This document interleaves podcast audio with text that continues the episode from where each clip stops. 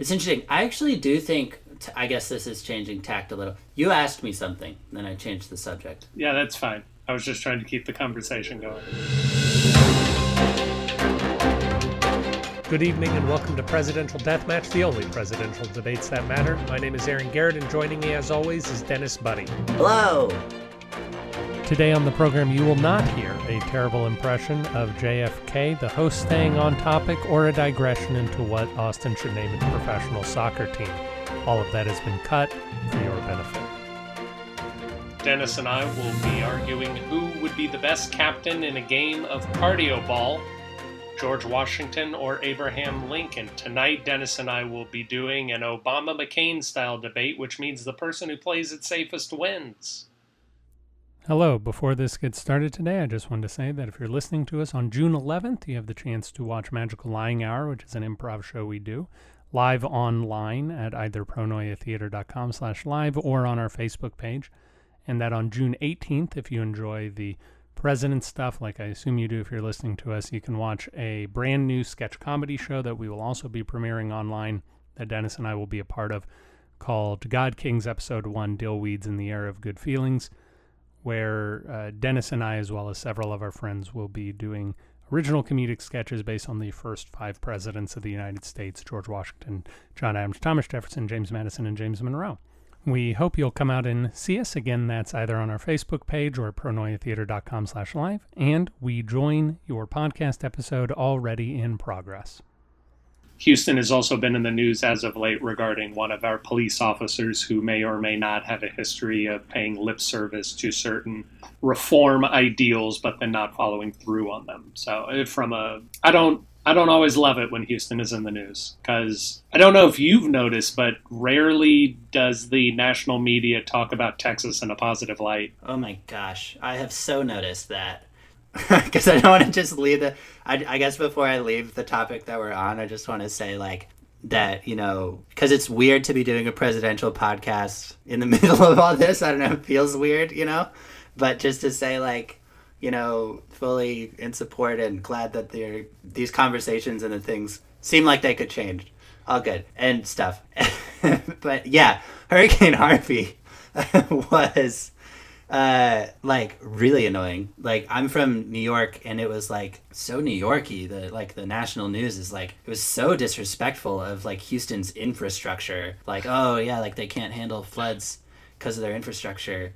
It's like you'd know it all. When I lived in Madison, like if it rained, it flooded. It's just that it like never rained that hard. It happened that a tropical storm didn't sit on top of Madison for several days, constantly yeah. pouring water.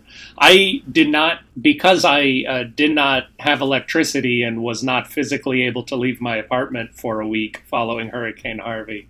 I not only missed the Kate Upton film The Layover, but I also missed most of the national media's coverage of Hurricane Harvey, and probably for the best. Uh, yeah, I remember calling you, and Carolyn and I had it pretty good. We were on the fourth floor of our apartment complex, and the um, garage goes all the way up, so our cars were on the fourth floor. And then I called you. I was like, "Yeah, things are good with us. We're just watching Lord of the Rings and eating popcorn every day, and you were like things are we're lucky too like our staircase washed away but you know it could be a lot worse. My car's completely submerged but still working still yeah. moving. and i had left a crate of my recording equipment inside of my car which was flooded at that point. So i like went and uh, went to a neighbor, got the neighbor to let me in through their apartment so that I could jump from the staircase to the top of my car to climb, like open up the, the doors while the car was flooded and pull out my recording equipment, which was okay. It was in a plastic container, so it was floating. Oh my gosh. Uh, that it was an exciting morning. Wow, that's very ninja of you. So, Dennis, we uh, two weeks ago we had a debate on which president would make the most superlative best man, yes. either Chester A. Arthur or William McKinley. Was it? I can't remember. I just I just remember Chester A. Arthur so well. It was McKinley. It was McKinley. Sadly, McKinley did not prevail. Chester really A. Arthur was voted uh, the fella people would want, the well dressed, dapper, stalwart from Vermont, Chester A. Arthur. Last week, Dennis and I were joined by Christine Cooper on which president would make the best contemporary artist, either Ulysses S. Grant or Franklin Pierce, and you still have a chance to vote in that. I believe it's tied currently. It was tied earlier today when I looked. Dennis, we have some retractions from last week. At least I have some retractions that I, I do as well. Well, I have some third party retractions to report. Throughout last week's podcast, we made uh, some light fun of President George W. Bush's paintings. And I, for one, was operating primarily on my memory of what they looked like. But of course, Christine sent us that gallery. Specifically, George W. Bush's painting of Saddam Hussein was, I think, a very uh, powerful, powerful portrait, uh, which does not take away from my opinion of his painting of his own feet. but he he is not the uh, joke that that I think we were making of him last week. Yeah, I I think that's a lovely thing to say. I think like before we started recording, we were talking about just in general, maybe trying to recognize that it can be tricky to, as a human being, take a position on another human being as lesser than. So I think that's great that you did. It actually ha- connects with one of my follow ups, which is from Christine, which is that she feels that we didn't address the war crimes of Bush, that, or just in general the uh, wrongdoings of presidents, because the tone of the podcast is a little bit more maybe we we generally are. I think it's being, lighter. It's light. It's, it's also trying to look at the presidents as people, and then I think we tend to give them uh, look at them positively for the most part. And so I think that my follow up on it is that's always going to be the case because we talked about leading up to this podcast. We said, you know what, we're pretty nice about all the presidents. What if we did one where we said, okay, who's the biggest villain? And just focused an entire podcast to get all the bad stuff out of the way. And we talked about it. We said, you know what? It's just not what this podcast is going to be. At least gonna... not this week. Yeah. Yeah, at least not this week. I do think it, we've never explicitly stated this on the podcast, but it's probably a good time to do that now. Neither Dennis nor I claim to be historians. Uh, we are people who have a love of research and a uh, perverse desire to entertain through the medium of presidential trivia. But what that means is that I think occasionally we feel uncomfortable making giant proclamations based on I, I, would hate to attack some people and then like not fully understand the importance of the teapot dome scandal, for instance. Well said. I think that that's my approach to life, which is that I don't generally know enough about anything to be super critical about it. Of course, that doesn't get us anywhere, so I'm glad that others are not that way. Yeah. But that's how I am. So I do want to thank Christine for that comment. Yeah, yeah. Yeah. Also, retractions from the whole Cooper clan. Uh, retraction from Bluebell is okay. she barked. That's how we kicked off the uh, podcast in the edit. Turns out there was nothing there, so she wants to retract that bark. Thank you, uh, Bluebell. It's uh, very big of you to admit. Yeah. That. In fact, it was pitch black outside, and uh, there was nothing that even could be seen. So, uh, and Carolyn wanted to specifically not retract uh, yelling at Bluebell because mm-hmm. she thinks it was appropriate, but she did want to clarify that normally she's very nice to the dog. I have seen, personally seen, Carolyn interact with Bluebell, and I can say that she is very nice to that dog. there you have it, folks. I uh, know Carolyn. Carolyn is a good woman. Uh, and Keith has come around on Mondrian, so that oh. was the uh, the final retraction. Very nice. Presidential deathmatch regrets the errors. he he did say that there's one that still bugs him because there's a mistake. He's yeah, which he says certainly a mistake. Of course, he's a computer science professor, so be your own judge.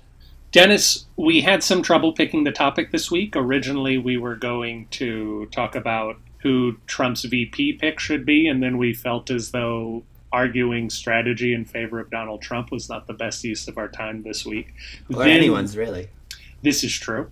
This is true. Then we thought, as you said, who would make the best villain or supervillain, but we weren't exactly uh, feeling talking about more problems. And so I suggested that we talk about who would make the best dodgeball captain, and you countered with the Great American Game in New York is called cardio ball. Cardio ball. In Texas is called mat ball or big base. Big base. I have never heard of this game. I read the Wikipedia page. It seems as though the strategy is relatively similar to dodgeball, except for your. Uh, yes, kickball, uh, except for those school districts that have a poor student to teacher ratio.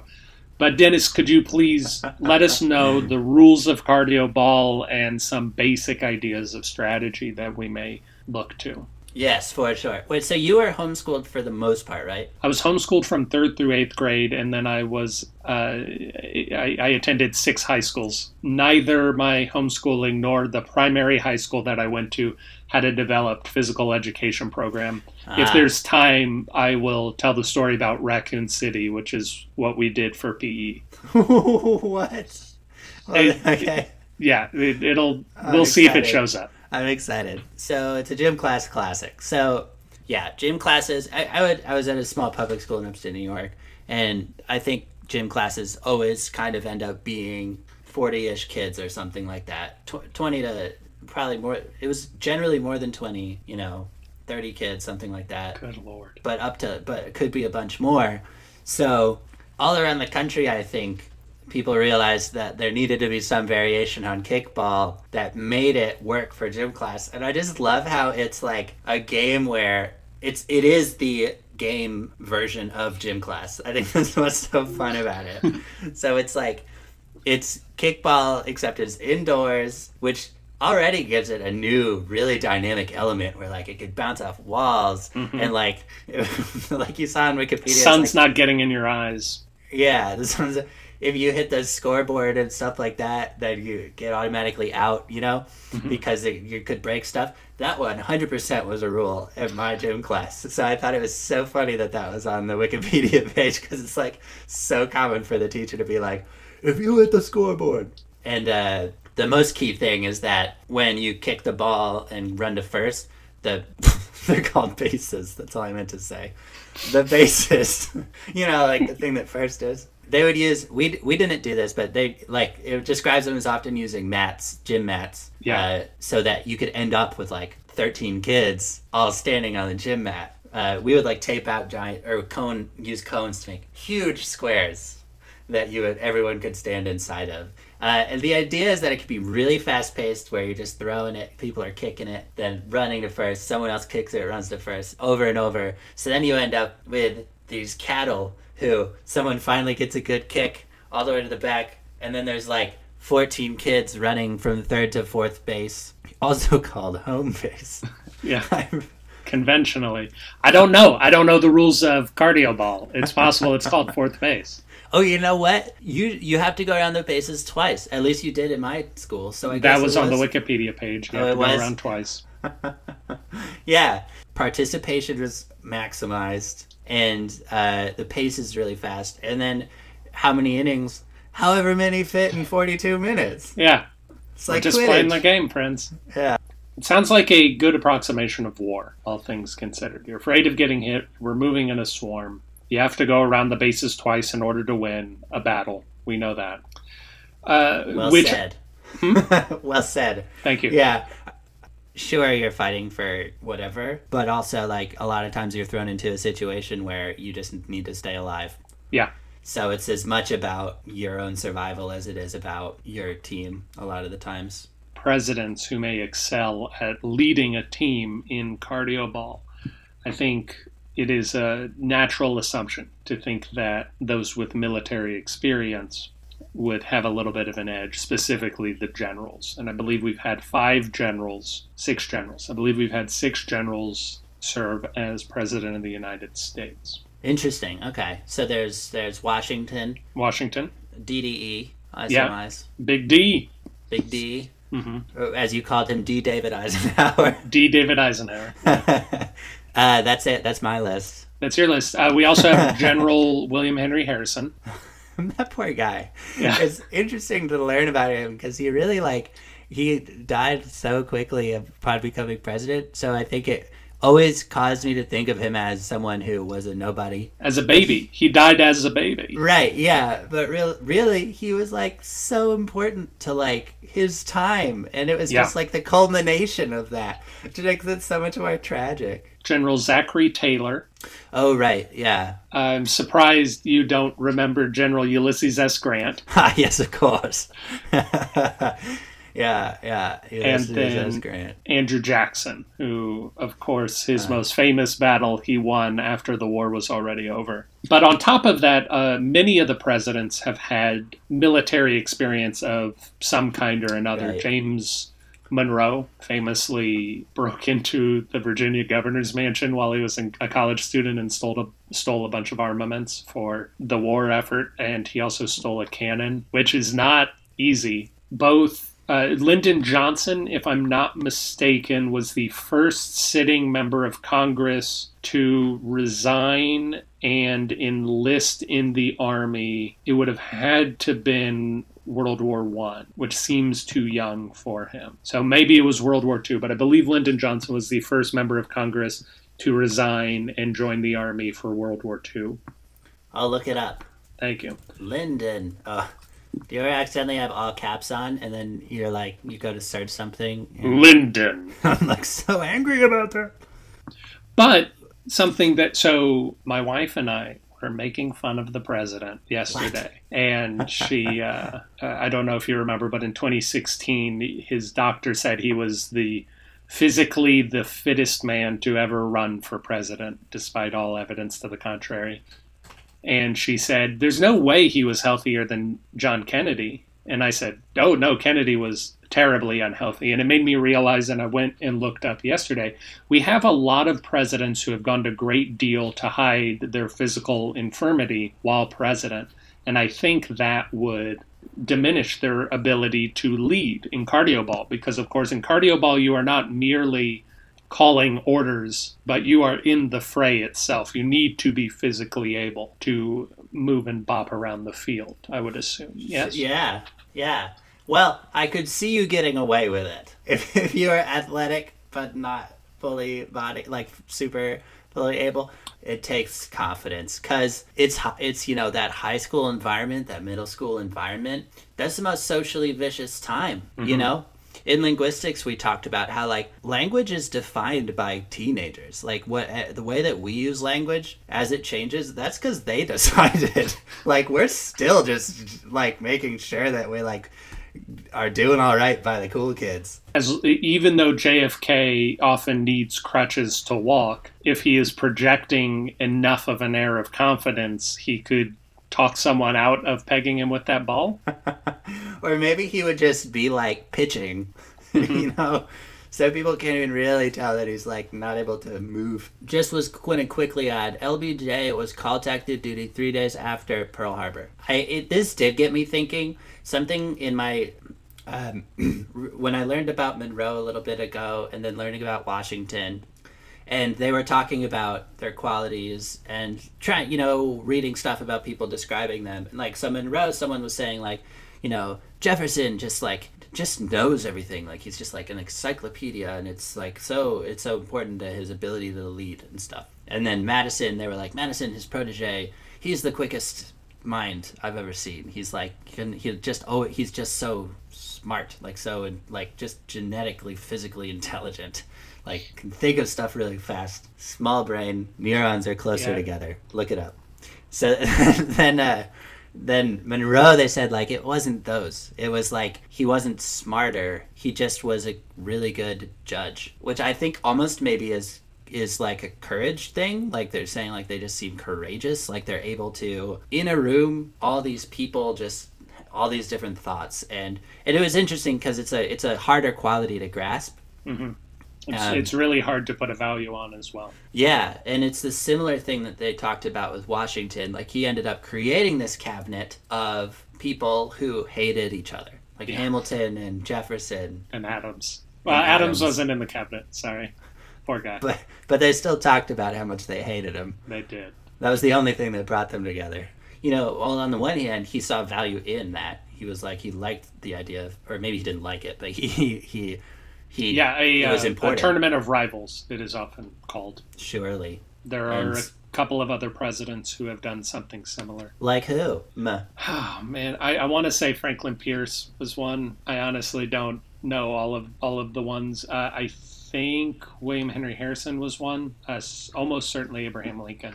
as well. Lincoln. Yeah. So, because Lincoln had a uh, opposite party vice president, right? Well, he did. Uh, eh, you know, maybe I'll save it for my argument. Uh, but uh, oh he, he had So an opposite party vice president when he ran for his second term, primarily as a show of good faith, loyalists in the North as well as people in the South to say, not only am I picking a Democrat, but I'm also picking a Democrat from the South. William Henry Harrison's vice president opposite party, or one of the, one of those guys where it was like where they No, John Tyler was a much man. I uh, I'll, I'll I'll do it. I'll cut it if I think it's boring. Okay, so Jo- uh, William Henry Harrison was a member of the Whig Party. John Tyler, his vice president, was also a member of the Whig Party.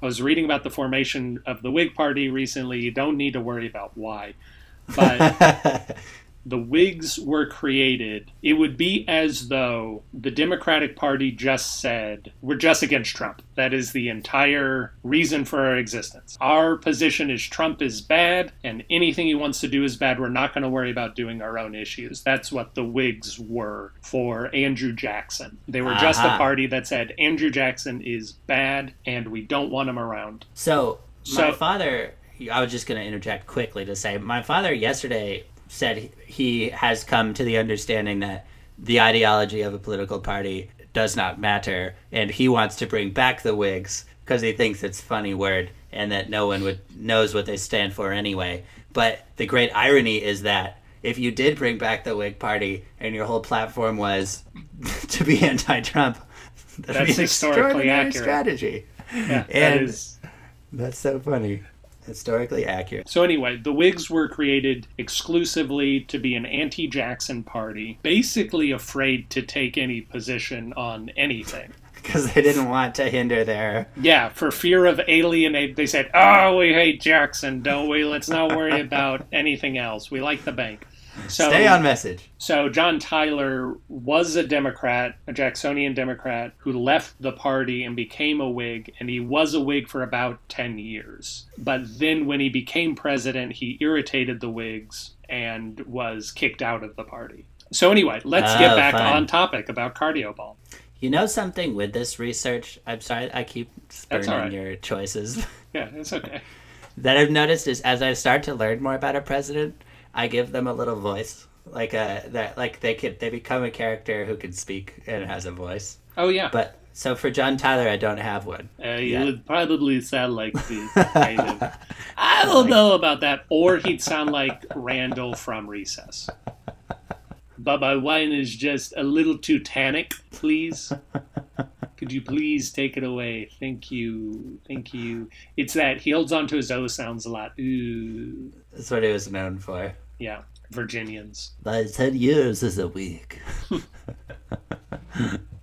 John Tyler, incidentally, would not be good as a captain of cardio ball. He was a divisive man who most people, as he got older, didn't like the fact that he held on to a lot of old world ideas. He was a Confederate. Uh, and he was physically frail, so he's not exactly going to be good in the fray. Yeah, he looks frail. I, I an interesting thing I think to, to discuss about the presidents is that although we may have culturally an idea of smart, learned people as these uh, emaciated bodies with big heads on, on tiny shoulders, uh, the presidents that we have had, by and large, either were at one point in their life or were at the time of being president relatively physically fit. Like, yes, George W. Bush had uh, heart surgery, I think. He had some sort of surgery while he was president, but he's also the first president Right. to run a marathon, and he is a famous runner. George know H.W. that. Bush. And a war criminal. Uh, George H.W. Bush excelled at a lot of athletics. yeah, and right, uh, yeah. I had the pleasure of getting to meet James A. Baker once, who was uh, Mm-hmm. his SOS. Yeah. He said that they were playing tennis, and George George won a won a won a set, and then he uh, goes to serve up the next volley, and he says to me, I think I might run for president. And I want you to come with me. And that's how it started. I don't know where it is. I suppose he's from Baker or from Texas. He is from Texas. He, you know, it was interesting. He said because this was in 2013 or something like that, and uh, some of the political science nerds were like, "What do you think's going to happen?" They all talk like John Tyler, and Yeah. he was he said that he thought that the country was falling apart. Essentially, it was really scary to hear from him. He was Yeah. like, "The political parties have become so." Divide, like so divided that I don't know what's going to happen. He said something is bad is going to happen. Essentially, Do you think we can get him on the podcast? no. but that can be our quest. All right, gonna try one more time to get us back on topic. Uh, what other useful qualities for cardio ball could a president possess? Well, one thing that I don't even know if we'd really need to go back to, but I actually think the, the thing that I think that I was getting at earlier is I think that the generals who have been president, a lot of them were pretty good presidents. And I think that it's a really interesting thing. I've never valued that kind of skill before nearly as much as being a smart person and a good communicator. And I and that courage thing, that thing that's hard to identify, the value of that of, that ability to judge and be cool-headed is is just not a. I don't think it's a quality that I have even a little. And I think that it actually is really important in a leader. I do So- agree. I think that I think the presidency is a particularly weird job for which there is no useful way to gain experience. The only way to know if you're good at being president is to do it. But I do think that you know, whenever I'm thinking about who to vote for, uh, as I'm voting for a representative or senator or what have you, is mostly to think that I may or may not know these people's stated positions on the issues, but at the end of the day, I know that they're going to get information that I do not have access to, and they are going to have to make a decision without telling me why they did it. They're going to receive secret information. Who do I trust to handle secret information? And I think that generals are are particularly well suited to that because Yeah. the military is all about that. Yeah, yeah. So much of the problems and stuff in my daily life and in I think a lot of lives are miscommunication. Then if you're president, that's not the issue a lot of the time. the issues are deeper than that. They're like differences in values and people not wanting to communicate and stuff. So I think that a good leader often is a lot of things that I'm not. When I was in high school, or no, it must have been like middle school or ninth grade, maybe. There was this like thing that they told like the the all some of the nerdier kids to apply for. That was like a county leadership seminar thing for kids. Yeah. So I applied for this leadership thing when I was in ninth grade, and you had to apply with an essay talking about why you're a leader. And like with all essays, I wrote it stream of consciousness, where I just thought through it on the page. And uh, so my beginning was like, was like, ah, I'm a leader for X, Y, and Z, and then I talked about it more. And then by the time I got to the conclusion, I was like, so I don't think I'm a leader per se. That's why I'm coming to the conference. yeah, so I did not get chosen. There is no one who exemplifies the qualities of a leader more than the youngest of three brothers. yeah. I was like, I've never done anything first before. yeah. I, I, yeah. I'm the sort of leader who hangs out in the back to make sure yeah. everyone's not staying behind. Yeah. It's weird. I don't think it affected me that. I mean, I guess it did. I remember it vividly. so I must have. But I, I have always kind of really like kind of attached to that part of my identity that like I was listening to a podcast the other day where the CMO of uh, UNTUCKit, they're they're Please button continue. downs, they're button downs that are made to look good untucked because now it's like fashionable to be casual, so you're supposed to untuck your button downs all the time. But then they look all baggy and stuff. So now there's untucked. What a wonderful world. It is a wonderful world. JJ Watt is their like number one spokesman. He's like a huge fan of Who not he the number one spokesman for? I don't I know went- if. Does Austin like the Texans? Is Austin a Texans town or a Cowboys town? Austin has no professional sports team, so usually they co-opt Houston's. Okay, I good. think yeah, Astros for sure. because the Astros just won the World Series, and then all of a sudden everyone pulled their Astros hats out from under their desk as if they've been following along all season. Listen, uh, much in the same way that we do not necessarily touch on all the worst aspects of the president, we are simply going to say that the Astros won the World Series, and we are going to walk past that statement. We are fine. Dennis, I think we've well and truly gone afield of our charge to discuss. No, it's fine because I think we're having a good time. But I don't want to leave this conversation without talking about Hoover Ball. Hoover Ball! Hoover Ball! If Austin could get any professional sports team, why didn't it get a Hoover Ball team? Yeah, disc golf and Hoover Ball would be their main. Uh, Hoover Ball is a legitimate thing that is germane to the conversation at hand, which means we will probably touch on it briefly and then move swiftly past it.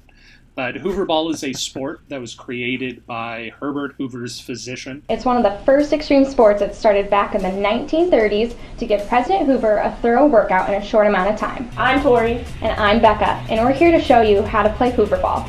and how fun it is. Teams consist of three to five players, with three on the court at a time. Uh, object is simple: toss a four-pound medicine ball back and forth over an eight-foot net on a typical volleyball court. I may or Uh, may not cut in some audio from that video. Uh, Oh, that would be great. Do you have what it takes to become the next Hooverball national champion? There is a Hooverball Championship played every year in Iowa, which is where Herbert Hoover was born. I believe it's West Branch, Iowa, but I would not stake my life on it. Hoover's hometown days in West Branch. yeah, it, it's uh, Newcomb. Did you ever play Newcomb? That might be a New Yeah, York thing. yeah, yeah. oh, no, you did. played Okay. Newcomb. So it's like Newcomb except with a really heavy A ball. ball. Yeah. Like imagine throwing a baby back and forth. That's probably the original version. Yeah. Or like in holes where it's like uh, you start with a baby and his physician's just playing catch with a hoover every as, day. as the baby grows. yeah, but you have to be feed it. strong. Yeah, and then by the Mhm. end, yeah. Herbert Hoover uh, was presumably a very fit, very fit man. Gained muscle while in the White House. He was the longest-lived president until Gerald Ford narrowly beat him out, and then George H.W. Bush, and Ah. then recently Jimmy Carter. Yeah. But uh, of course, he would not be a good captain because people don't respect his opinion. He'd be a great team manager. He's Yeah. very good managerial skill. Yeah, he he's like I didn't get into it much when when I talked about him, but had a really long post presidency while FDR was doing things that we all look back and say were the right choices, and Do he we? just was on the.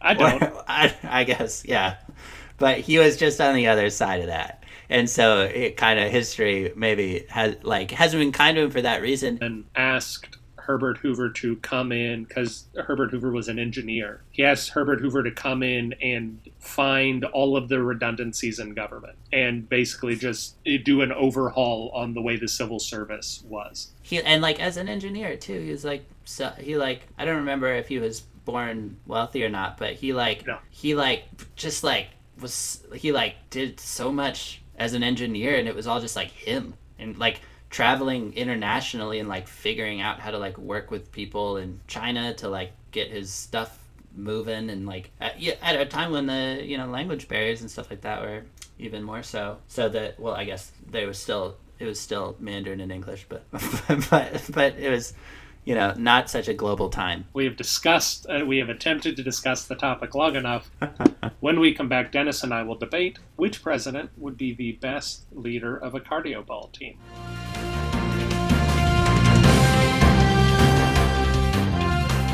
And we're back. Dennis and I are going to debate the by now well discussed topic of cardio ball. I will be arguing for Abraham Lincoln, and Dennis will be arguing for george washington Excellent. When you look to a leader for a sport such as cardio ball, you want someone who is decisive but is able to listen to the counsel of other people on the team. You want someone who is physically able to carry out the task, and you want someone who is extraordinarily tall so as to be able to catch balls when they come into the outfield, whatever it may be. Abraham Lincoln is, I think, uh, we can all agree, an excellent judge of what is needed in any given moment, not just from a moral standpoint, but also from a practical political standpoint. If we look at the machinations that he did in order to get the 13th Amendment passed, we see a canny political mind who's not afraid to stand on principle, but still find a way to get things done. With Abraham Lincoln, we, of course, see a man who is not willing to take risky strategies when it is useful and those risky strategies pay off. We don't want a milk toast person leading our cardio ball team because then everyone's just going to be stuck at first. Abraham Lincoln, of course, is extraordinarily fit. He was said to be able to lift a thousand pounds. This is almost certainly hyperbolic, but he is credibly said to have performed a, a number of feats of strength, including throwing a man out of a fight during his congressional campaign, his first congressional campaign. Ultimately, I think that Abraham Lincoln has the vision necessary to execute a strategy for cardio ball. He has the physicality and the strength necessary to perform the sport at a high level, and he also has the humanity to be able to connect with his team and inspire them to do their best. Okay, so the idea of the um, leadership here. How does leadership factor into a game of cardio ball? Well, uh, from a bare bones perspective, you're looking at a batting order. So you have to look at who you send in first, who you send in second, who you send in third, and so on. Who do you keep in reserve? You are also, I imagine, assigning the fielding positions. We did mostly talk about batting, kicking when we were discussing things, but the fielding positions are full of who do you put as pitcher, who has the mental acuity to be a good shortstop, who has the focus to be excellent in the outfield. These are the questions that we need a leader to answer. We cannot simply allow a person to say, No, I want to be pitcher, and for them to do it. And then for those people who do really want to be pitcher, but don't necessarily have the facility for it, you need a leader who can discuss that with them, can can get them on onto his side, make everyone feel like a valued member of the team, even if they're not getting exactly what they wanted. And I do believe that Abraham Lincoln had that quality. If you look at, because he was a very moderate Republican, and a lot of the more radical Republicans felt betrayed by his election, by a lot of his actions, but he was able to get them back in. And at the end of his presidency, um, he satisfied his constituents. Yeah, I'm interested, I guess, to hear more on that. And it, I guess it may not seem super relevant, but I think it'll end up being relevant. The idea of him being so what what makes him a moderate Republican? And what was he like out politically outside of obviously like um, you know the main thing, which was Civil War, I believe. Just kidding. Oh, what a week to talk about what makes him a moderate Republican. So, theoretically, the Republican Party did not want the expansion of slavery into the United States. That is what their foundational principle was. But they, they were organizationally ambivalent on whether or not to eradicate slavery. You know, the radical Republicans like Thaddeus Stevens, as portrayed by Tommy Lee Jones in the film Lincoln, they wanted an abolishment of slavery, which, of course, is the right choice. uh, Abraham Lincoln was a moderate Republican in that he did not uh, or vocally say, no, we cannot have slavery. Slavery is an evil institution that needs to be eradicated, regardless of what the Southerners think. That's what made him a moderate Republican. That's also what made him electable in a lot of ways. Basically, preserving the Union. Yeah, it, his his goal was to stop the expansion of slavery with the hope that over time the economics would cause the South to stop being belligerent about it. Whereas the radical Republicans wanted immediate end to slavery. Yeah. Right. So it's not to say that he liked it, it's not to say that he wanted to support it. Uh, politically, outside of that, of course, Abraham Lincoln has a really weird political history. He is a person who served uh, only before he was president. Abraham Lincoln served one term in the House of Representatives. I believe he was an Illinois state representative for a little while, and he failed to run for Senate. And then he was elected president. He had very little political experience, but he was a very canny lawyer. There are a lot of stories of him being, frankly, a bit of a dick, a very clever asshole in in getting certain judgments and getting Naturally, we we know that the Civil War was the pressing issue of the day, and I doubt that there were a lot of other issues going on during his presidency. During his congressional career, the two years he spent in the House of Representatives, he uh, opposed the annexation of Texas, which, as you can imagine, I'm not super thrilled by that particular position of his. But he was known as a great orator. His primary skill as a politician was that he was incredibly charismatic and he could communicate his ideas very well. And he had a voice that could carry in a world with no megaphones. It's interesting because it almost, to an extent, it seems like a lot of. I mean, he saw the necessity of the Civil War, um, and then did a good job of executing it. But it seems like also like a big part of what was so important to him was the what would happen after the Civil War to make sure that like a union started to recover as one, but then he wasn't around for that piece. Did he have anything to do with kind of the strategies that went on at that point? I know Andrew Johnson's kind of remembered negatively, right, for the, his his abilities as that went. Yes, Andrew that... Johnson and Ulysses S. Grant both kind of have negative reputations in part because of a failure for Reconstruction. And honestly, it's entirely possible that if Abraham Lincoln wasn't assassinated, we would also have felt that he failed in Reconstruction. Right. Because it's an extraordinarily difficult job. We know that there was about a month, I believe, between the end of the Civil War and his assassination.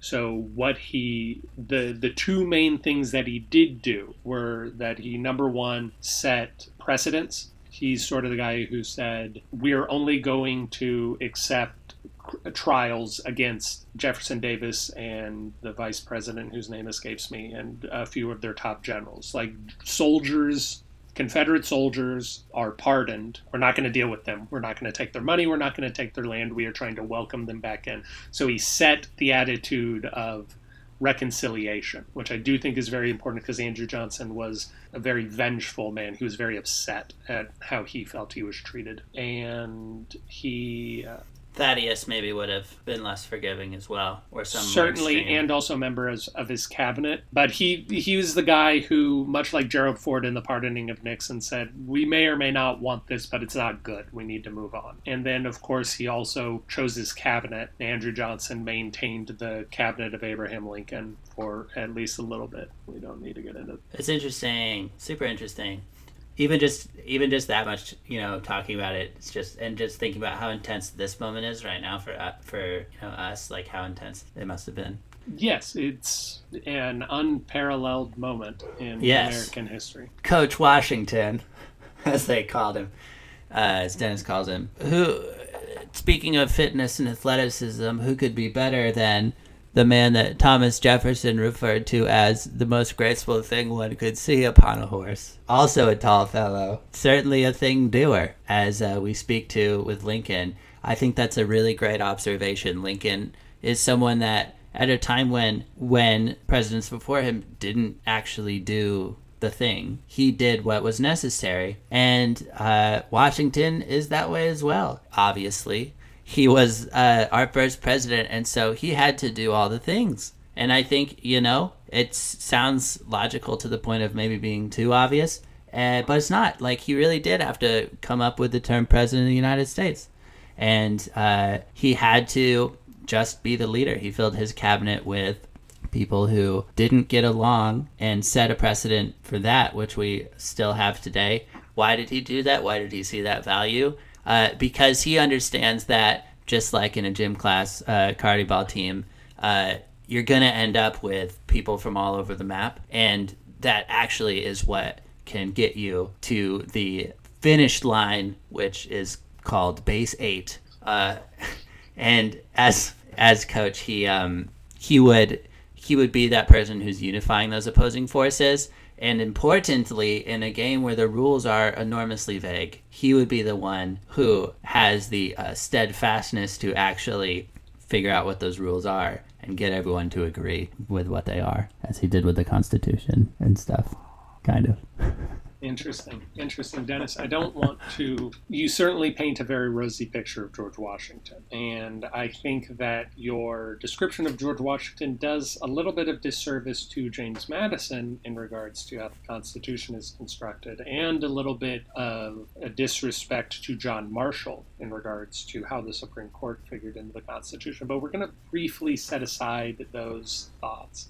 I'm simply going to ask you a question about a man who needs to be a coach of a lot of different buzzing people in the school period, and we need to play a game of mat, mat ball, cardio ball. My apologies. Big base. George Washington was a famously irascible fellow. He was not patient. Uh, he may have had great skills in other areas, but he was well known for insulting people who might show up a little bit late to uh, an appointment that they had with him. With that in mind, that George Washington is easily annoyed and easily frustrated when things go off schedule, how can he remain fit and composed in a game as chaotic as cardio ball in a space as frustrating as a school PE period? I'm glad you brought that up. So maybe one way to look at it is quick temper, uh, which he was said to have uh, maybe kind of been known for in his younger years, less than in his later, more professional ones. Well, obviously. I think another way to look at the same thing is that he was uh, transparent and confident, and most importantly, competitive, uh, which is extremely important in any sport. I think he was just someone who he was a winner you know, and he was confident enough to speak his mind to people that he was disappointed in. And I think that that's actually essential in a coach, but also in someone who's playing a game. Another way that I looked at this question was or this this research was I was looking for qualities that Dennis does not have as I spoke about in my uh, in the earlier section uh, because we want someone who can really lead a team also someone who can play sports and win at them I totally get that like being a part of media that's meeting well-intentioned people with hostilities so that they can be affected to change is a role that I respect, but I'm not ever going to be able to take up myself.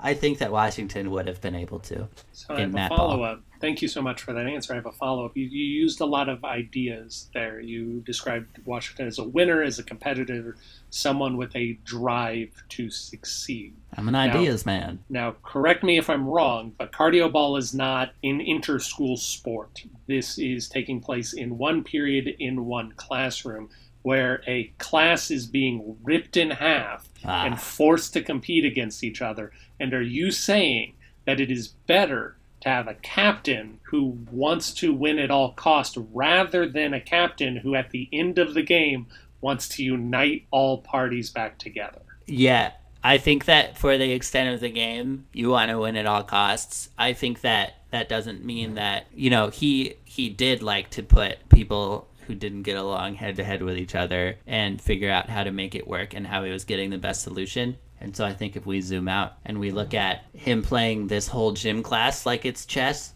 then I do think that at the end of the day, you might find that they played the best game they could have between them. But uh, I think it's more for him about the the victory, and I think that's good. Okay. My final question, Dennis, is merely one about his fitness to lead. George Washington was consistently ill, especially in his later years, with a variety of infections. Uh, I don't. I believe he was blind in one eye at the end of his life, and he was immobilized by a lot of these infections and recurring diseases that he had since childhood. Number one, uh, bringing to mind that maybe he's not taking care of himself, but number two, that he certainly can be sidelined at any moment. Can we trust George Washington, will he be there when we need him to be? Yes, I think that he had his run ins with smallpox and other such things, but at the end of the day, he was still a general and a fit man who did full terms as president and retired when he felt like it and went back to war when he had to and uh, died when he was a little good on getting on in years. So I think he'd be fine. And at the end of the day, he was a healthy guy with good posture that people liked. Uh, so I think I think all those health issues aside, I think he was truly actually still a pretty healthy dude. Uh, that's going to be my stance. All right. Thank you very much, Dennis. Well, you can vote on who you think would be the best captain in a game of cardio ball, George Washington or Abraham Lincoln, and you can still vote on which president you think would make the best contemporary artist. Dennis, we need to talk about, uh, we need to find a topic for next week, right? Yeah. So I have an idea, and I want you to tell me no if you're not immediately excited by it because it's going to be difficult. Okay. But what if we returned to uh, we we tried to respond to Christine's charge against us by finding something about uh, either scandals or derelictions of duty or something similar. So the question would be something like like kind of like our supervillain kind of scope that we were looking at briefly maybe I think supervillain might be a little fun because because super supervillains are fun people most of the time. They, they are yeah. characters, and I think that Christine wants us to get into the darker aspects of power. So we could potentially ask which president. We could conceive of a question that gets at petty uses of power I like the pettiness piece of it because that's keeping it that's keeping a lightness to it that if we focused on, you know, like crimes against indigenous people that we would we wouldn't be like, you know, mm. maintaining, you know, our tone. Yeah, it would so, be hard to maintain a light tone with that particular yes. question. I I wonder I I guess do you think yeah, do you think focusing on pettiness we keep that light that that lightness? I suppose I suppose we do. Yeah, who, I think we could. Who did the most petty things? That'll be tough to find out. Yeah. Yeah, well, I think that there are. We can couch it in terms of what? Oh, I'm just saying we can find a way to phrase the question to be about power instead of instead of explicitly about pettiness, but you and I mostly focus about. Oh no, we can talk about um, HOA. We talked about HOA. Which president would be the best head of an HOA? A homeowners association. Homeowners association, generally known for sticklers for rules, uh, but still important safeguards of property values. Uh, but we can get at the idea of petty uses of power through the idea of which president would be best to lead an HOA. I like it. All right, so that's what we're going to do. Which president would be next week? Which president would be the best head of an HOA? I was going to say quickly. I did an improv scene one. I did an improv show once up here where most of the show was jokes about me not knowing what HOA stood for. We did a whole scene where uh, we we were meeting as HOA and and deciding what it stood for together. anyway. Thank you for listening to Presidential Deathmatch. Presidential Deathmatch is a production of Pronoia Theater. You can find out more about us at pronoiatheater.com. We sure would like to hear from you. If you have a thought on this episode or anything else, please email us at contact at pronoiatheater.com. If you enjoyed today's episode, it sure would help if you subscribed, rated, and reviewed us wherever such things are convenient for you. And if you didn't enjoy today's program, why don't you try again next week? We grow on you.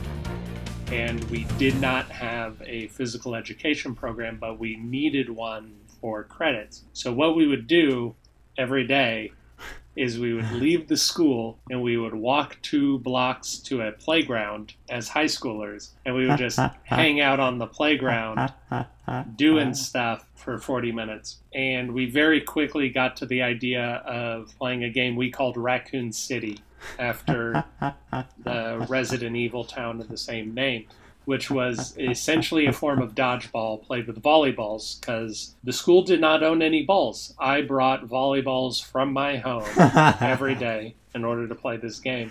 That's awesome. So the in the playground was a jungle gym, and so half of the students would be in the jungle gym, and half of the students would be out at the jungle gym. The people outside the jungle gym were zombies. The people inside the jungle gym were humans. And if you were hit by a ball, you had to go join the other team. So oh, either just, way. Yeah, either way. So you either got hit by a vaccine and you were no longer a zombie, or you were bitten by a zombie and you joined the zombies but you had uh, you had people with limited movement but a lot of defenses inside of the jungle gym. And then the zombies who had a lot of freedom of movement because they could move anywhere around but it was sometimes hard to to get into the fortress. And that was the game we called raccoon city and we played it every single day. That's so fun. That sounds super fun. It's making me think like because the the flaw, the inherent flaw in dodgeball is like as people get knocked out, then they have to just sit there and watch, which is like fun for a little bit, but then there's invariably the end of the game when one person is standing there and the other team has like 19 people and they're all just like throwing the ball. And Mm-hmm. since this one person doesn't have all these things to focus on all they have to do is dodge balls. It's actually not that hard once once it's just you so then it's just like 20 minutes of the person just dodging balls and like standing in the back of the gym. And then eventually they'll like be like i'm gonna try to catch one. And then they drop it and then the game ends. So it'd be so fun to the, when there's one person left send everyone from both teams to all get balls that they could throw at that one person who's left. So that's what we should do now. All right. listen to me gym teachers who are listening. Who have